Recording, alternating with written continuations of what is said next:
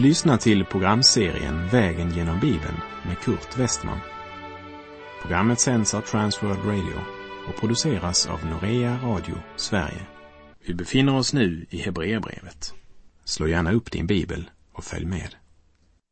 När vi nu kommer till den fjärde versen i Hebreerbrevets elfte kapitel så är Abel den första troshjälten som nämns vid namn. Och genom vers efter vers här i kapitel 11 vill Gud lära oss en grundläggande andlig sanning, nämligen att det finns bara en enda väg på vilken vi kan komma till Gud, genom tron. Vi läser Hebreerbrevet 11, vers 4. Genom tron bar Abel fram ett bättre offer åt Gud än Kain. Och genom tron fick han det vittnesbördet att han var rättfärdig eftersom Gud själv bekände sig till hans offer och genom tron talar han fastän han är död. Här ska vi ta oss tid att slå upp och läsa vad som står i Första Mosebok 4, verserna 1 till och med 5. Och mannen låg med sin hustru Eva, och hon blev havande och födde Kain. Då sade hon, jag har fått en man från Herren. Hon födde ännu en son, Abel, Kains bror. Abel blev herde och Kain blev en åkerbrukare. Efter en tid hände sig att Kain bar fram en offergåva åt Herren av markens gröda. Även Abel bar fram sin gåva av det förstfödda i sin jord, av djurens fett. Och Herren såg till Abel och hans offer, men till Kain och hans offer såg han inte. Låt oss ta en närmare titt på dessa två unga män. Genom tron bar Abel fram ett bättre offer åt Gud än Kain. Bära fram talar egentligen om att bära fram till en anvisad plats. De bar fram ett offer till den plats som de blivit anvisade för tillbedjan. Och du får ju räkna med att Adam och Eva, helt ifrån barnen var små, har berättat om den ödesdigra dagen när de lät sig besegras av ormen. Berättat hur de gömde sig i lustgården och hur de genom egen uppfinnsamhet och egen arbetsinsats klätt sig med fikonlöv. Och så berättat om den blodiga dagen då ett djur måste dö, blod utgjutas, ett eh, offer bringas för att människan skulle kunna klädas i den klädnad som var fullkomlig inför Gud. Hebreerbrevet 4.11 säger att genom tron bar Abel fram ett bättre offer. Hur kunde Abels offer vara i tro? Romarbrevet 10.17 uttrycker det så här. Alltså kommer tron av predikan och predikan i kraft av Kristi ord. I New International Versions översättning så står det tron kommer genom att höra budskapet. Så Gud måste ha talat om detta till Adam och Eva och de har gett det vidare. Eljest kunde inte Abel ha burit fram sitt offer i tro. Och det var ju det han gjorde, säger Hebreerbrevet kapitel 11. Men Kains offer bars uppenbarligen inte fram i tro. Och när det står att Kain bar fram en offergåva åt Herren av markens gröda, så var det inte något fel på frukten. Tro inte att eh, det han bar fram var något som så att säga var andra sortering. Det var inte en attityd av att städa i källaren och ge kasserade gamla utslitna kläder till missionen. Nej, jag tror att frukten han bar fram som offer, den skulle ha vunnit första pris på vilken som helst lantbruksutställning idag. Han bar fram det absolut bästa av sina härliga frukter och han gav det som ett offer till Herren. Men vad var det då som var fel med Kains offer? Ja, en och annan tänker kanske att Herren är orättvis. Jag kan inte se något fel i det som Kain gjorde, sa en man. I Judas brev, vers 11, där han har skrivit om de sista tidernas avfall, så säger han Ve dem, de har slagit in på Kains väg. Vad var Kains väg? När Kain bar fram sitt offer till Gud så blev det inte framburet i tro, men efter Kains vilja. Offret som han frambar förnekade att människan har en ond natur som en följd av syndafallet. Gud hade mycket klart förkunnat för Adam och Eva att utan att blod utgjutes givs ingen förlåtelse. Människan kan inte träda fram inför Gud utan blodet. Gud sa, bär fram det lilla blodsoffret som ska peka fram emot förlossaren som ska komma. Det är den grund på vilken du ska komma. Kom inte med dina egna händers verk. Kains offer förnekade också att människan hade blivit skild från Gud. Han handlade som om allting var okej. Okay. Och det är detsamma som liberala teologer gör idag när de talar om Gud som alla människors far och att vi är alla bröder. Gud har skapat alla människor och alla människor har samma värde för Gud. Gud älskar alla och han önskar att alla ska komma till kunskap om sanningen och bli frälsta. Gud har skapat alla, men det är inte alla människor som har Gud som sin far. Därför är det inte heller sant när det blir sagt, vi är alla bröder. Vi är alla skapade av Gud, men vi föds inte som Guds barn. Genom syndafallet är människan skild från Gud. Kain vägrade att inse och erkänna detta och stora delar av mänskligheten idag vill inte heller erkänna det.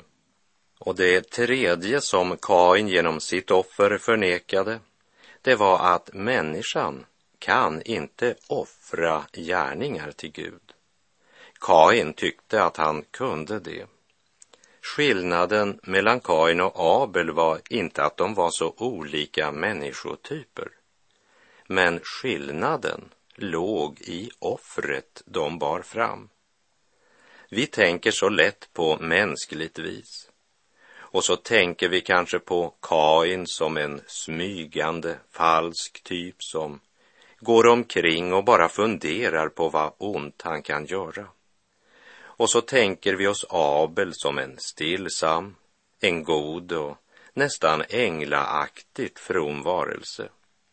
Bibeln säger inte något om de två brödernas personlighet. De hade samma föräldrar, växte upp i samma omgivning, så det var inte någon sån skillnad på de två bröderna. Skillnaden var deras offer. Och detta offer är också den stora skillnaden mellan människor idag. Ingen kristen kan ta sig den ställningen eller hävda att han är bättre än någon annan det som gör honom till en kristen, det är att han inser att han är en syndare som alla andra och att han behöver ett offer. Han behöver en ställföreträdare. Han behöver någon som byter plats med honom och dör i hans ställe och försonar hans synd. Den rättfärdighet Kain hade var hans egen rättfärdighet. Abels rättfärdighet var att i tro bära fram ett offer som pekade fram emot den frälsare Gud lovat sända. Vi har sett hur Kain och Abel tillsammans tillbad Gud. Och de var egentligen nog så lika dessa två. Kanske mera lika än ett tvillingpar idag. För i sitt blod hade de inget arvsanlag som gick tillbaka till föräldrarnas båda sidor från tidigare generationer och som kunde slå ut i stora olikheter. De var Adams och Evas söner. Skillnaden var deras offer. Den ene blev accepterad på grund av offret som han bar fram i tro. Den andre, Kain, fick ingen accept av Gud på sitt offer. Och Hebreerbrevet 11.4 vittnar. Genom tron bar Abel fram ett bättre offer åt Gud än Kain. Och genom tron fick han det vittnesbördet att han var rättfärdig eftersom Gud själv bekände sig till hans offer och genom tron talar han fastän han är död.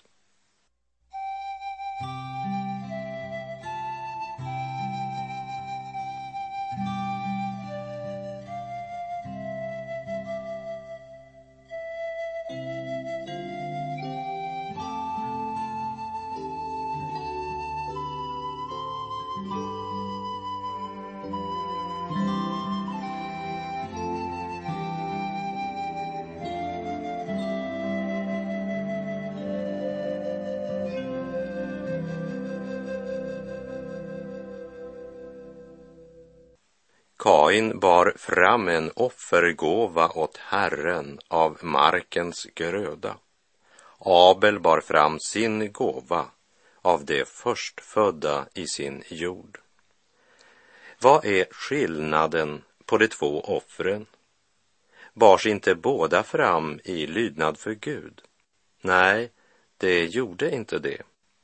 Gud hade uppenbarat för dem att utan att blod utgjutes ges ingen förlåtelse. Ett lamm måste dö för att försona synden. Och detta var viktigt eftersom lammet pekade fram emot Kristus. Nu opponerar sig någon och säger att det står inget om det i Första Mosebok. Nej, men det gör det nämligen i Hebreerbrevet 11.4 genom tron bar Abel fram ett bättre offer åt Gud än Kain.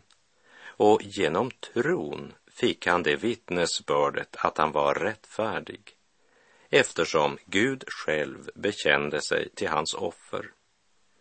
Abel kom i tro. Vad är tro? Ja, låt oss än en gång citera Romarbrevet 10.17 som säger Alltså, kommer tron av predikan och predikan i kraft av Kristi ord.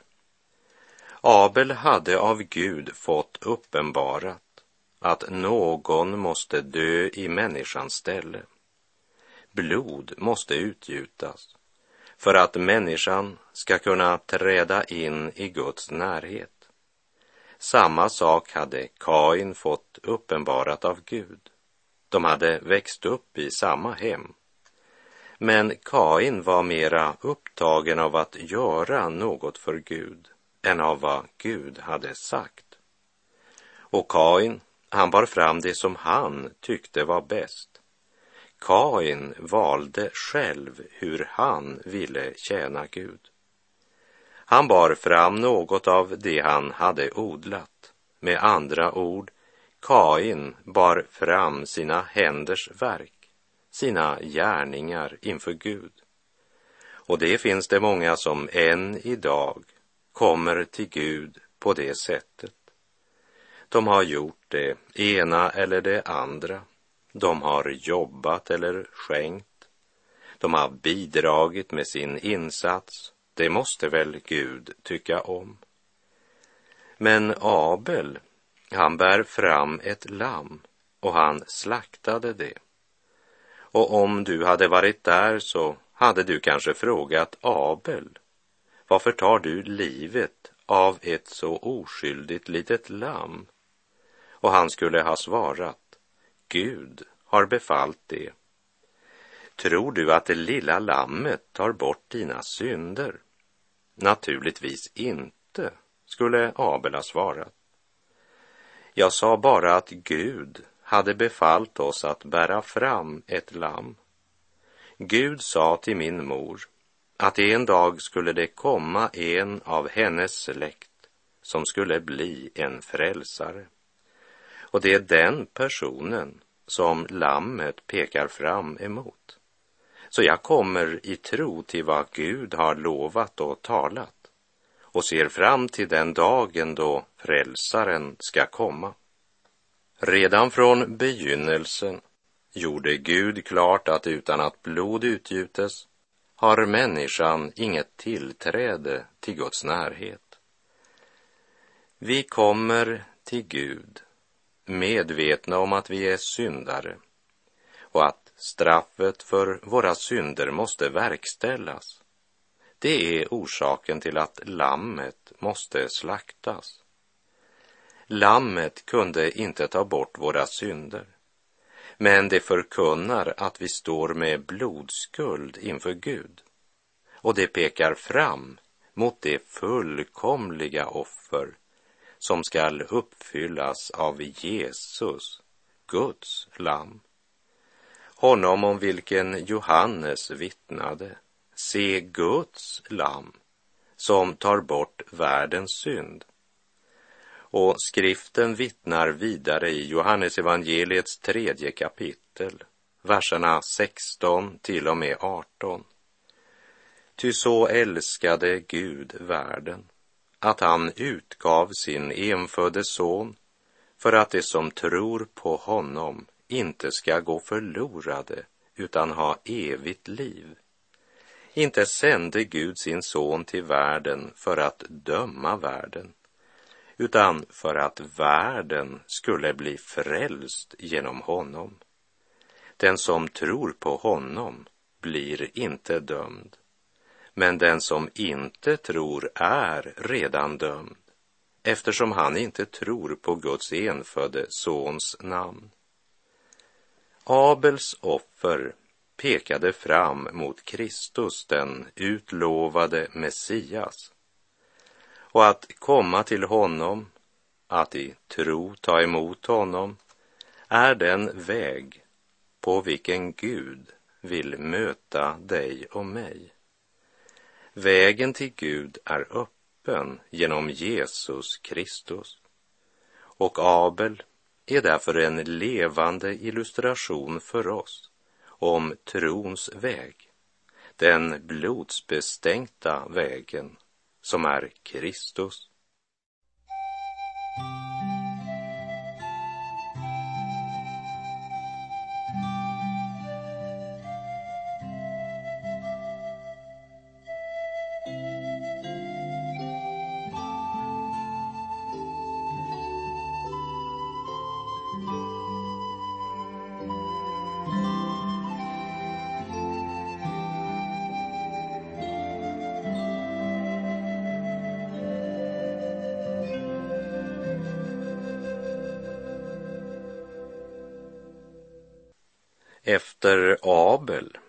Så nämner Hebreerbrevet 11 gudsmannen Hanok som för oss illustrerar trons vandring.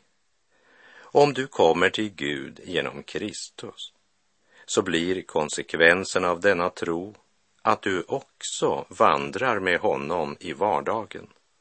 Och därför är vandringen i tro det nästa Hebreerbrevet fokuserar på. Vi läser Hebreerbrevet 11, vers 5. Genom tron togs Hanok bort utan att möta döden och man fann honom inte mer, ty Gud hade tagit honom till sig. Innan han togs bort hade han fått det vittnesbördet att han hade funnit nåd hos Gud. Hanok kan omtalas första gången i Första Moseboks femte kapitel. Och kapitel fem där är ett av de mest avskräckande och förtvivlade kapitlen i Bibeln. För att läsa Första Mosebok kapitel 5, det är som att vandra genom en kyrkogård. Och det som bildar genomgångstonen i Första Mosebok kapitel 5, det är orden Därefter dog han. I Första Mosebok 5.8 läser vi om vad som hände med Set. Han dog. Han hade en son som hette Enos. Vad skedde med honom? Ja, vers 11 säger han blev 905 år. Därefter dog han. Enos fick en son som hette Kenan. Kenan en son som hette Mahalael. Mahalael fick en son som hette Gered och så kunde vi fortsätta. Deras livshistoria avslutas. Därefter dog han. Men låt oss läsa vad skriften säger om Hanok. Första Mosebok kapitel 5, verserna 21 till och med 24. När Hanok var 65 år gammal blev han far till Metusela. Och sedan Hanok hade fått Metusela vandrade han med Gud i 300 år och fick söner och döttrar. Hanoks hela ålder blev alltså 365 år. Sedan Hanok på detta sätt hade vandrat med Gud fanns han inte mer, ty Gud hämtade honom.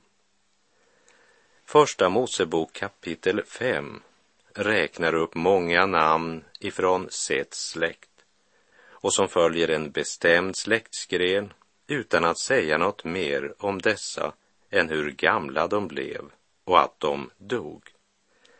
Eljest får vi inte veta något mera om dem.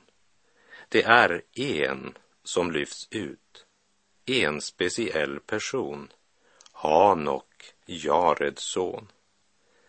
Metusela var tydligen Hanoks första barn. Han hade också ett andra barn, men det är intressant att lägga märke till att det står sedan Hanok hade fått Metusela vandrade han med Gud i 300 år och fick söner och döttrar. 65 år gammal, efter att han fått Metusala, vandrade han med Gud. Tydligen gjorde han inte det innan Metusela föddes. Hebreerbrevet 11.5 säger att genom tron togs Hanok bort utan att möta döden och man fann honom inte mer ty Gud hade tagit honom till sig. Innan han togs bort hade han fått det vittnesbördet att han funnit nåd hos Gud. Mitt i denna ändlösa kedja av död, så att säga mitt i döden, blir en människa tagen från jorden utan att dö. Det sägs om Hanok att han vandrade i gemenskap med Gud. Det är bara två personer om vilka det sägs att de vandrade med Gud. Det är Hanok och Noa. Och det är bara två människor i Gamla testamentet som inte dog. Den ena var Hanok och den andra är ju Elia som vi läste om i första och andra konungabok. Hanok är en av de få av dem som levde före syndafloden som vi har några upplysningar om. Vi får veta att han dog inte, men Gud tog honom till sig, som den norska översättningen uttrycker det. Det enda sätt jag vet att beskriva detta, det är att återge något som en liten flicka sa till sin mor när hon kom hem från söndagsskolan. Hon sa, läraren berättade för oss om Hanok och hur han vandrade med Gud. Och mor svarade, ja, vad med Hanok? Och då säger den lilla flickan ungefär så här. Ja, det verkade ju som om Gud varenda dag kom till Hanok och sa Hanok, vill du inte ta en promenad tillsammans med mig? Och så gick Hanok ut ur sitt hus och ner över gatan och så vandrade han med Gud. Och varenda dag så kom Gud till Hanok och sa Kom så tar vi en promenad tillsammans. Och så en dag så kom Gud och sa Hanok, låt oss ta en riktigt, riktigt lång promenad idag, för jag har så mycket jag vill berätta för dig. Så de gick och de gick länge, länge. Och så till sist sa Hanok, oj då, nu har ju klockan blivit så mycket, det, det är bäst jag vänder tillbaka hem igen. Men då sa Gud till honom, Hanok, nu har vi gått så långt så du är mycket närmare mitt hem än ditt. Så du kan bara följa mig hem. Och så följde Hanok bara med hem till Gud. Jag vet inte hur man skulle kunna uttrycka det enklare och bättre än denna lilla söndagsskolflicka gjorde det. Och Hebreerbrevets författare säger, genom tron togs Hanok bort utan att möta döden. Och man fann honom inte mer, ty Gud hade tagit honom till sig. Innan han togs bort hade han fått det vittnesbördet att han funnit nåd hos Gud. Och med det så är vår tid ute för den här gången. Kära vän, sök Herren medan han låter sig finnas och åkalla honom medan han är nära.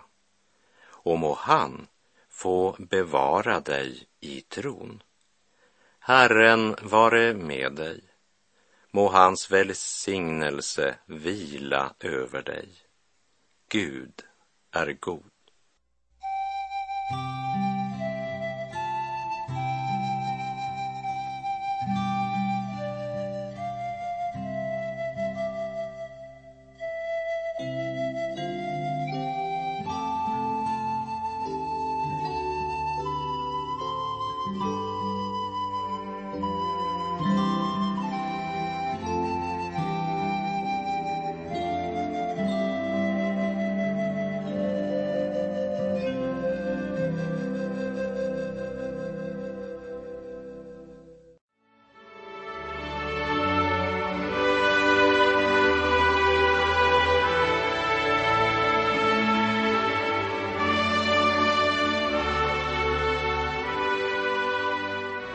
Du har lyssnat till programserien Vägen genom Bibeln med Kurt Westman som sänds av Transworld Radio. Programserien är producerad av Norea Radio Sverige. Om du önskar mer information om vårt radiomissionsarbete så skriv till Norea Radio Sverige, box 3419 103 68 Stockholm. Adressen är alltså Norea Radio Sverige box 3419. Postnumret 10368 Stockholm.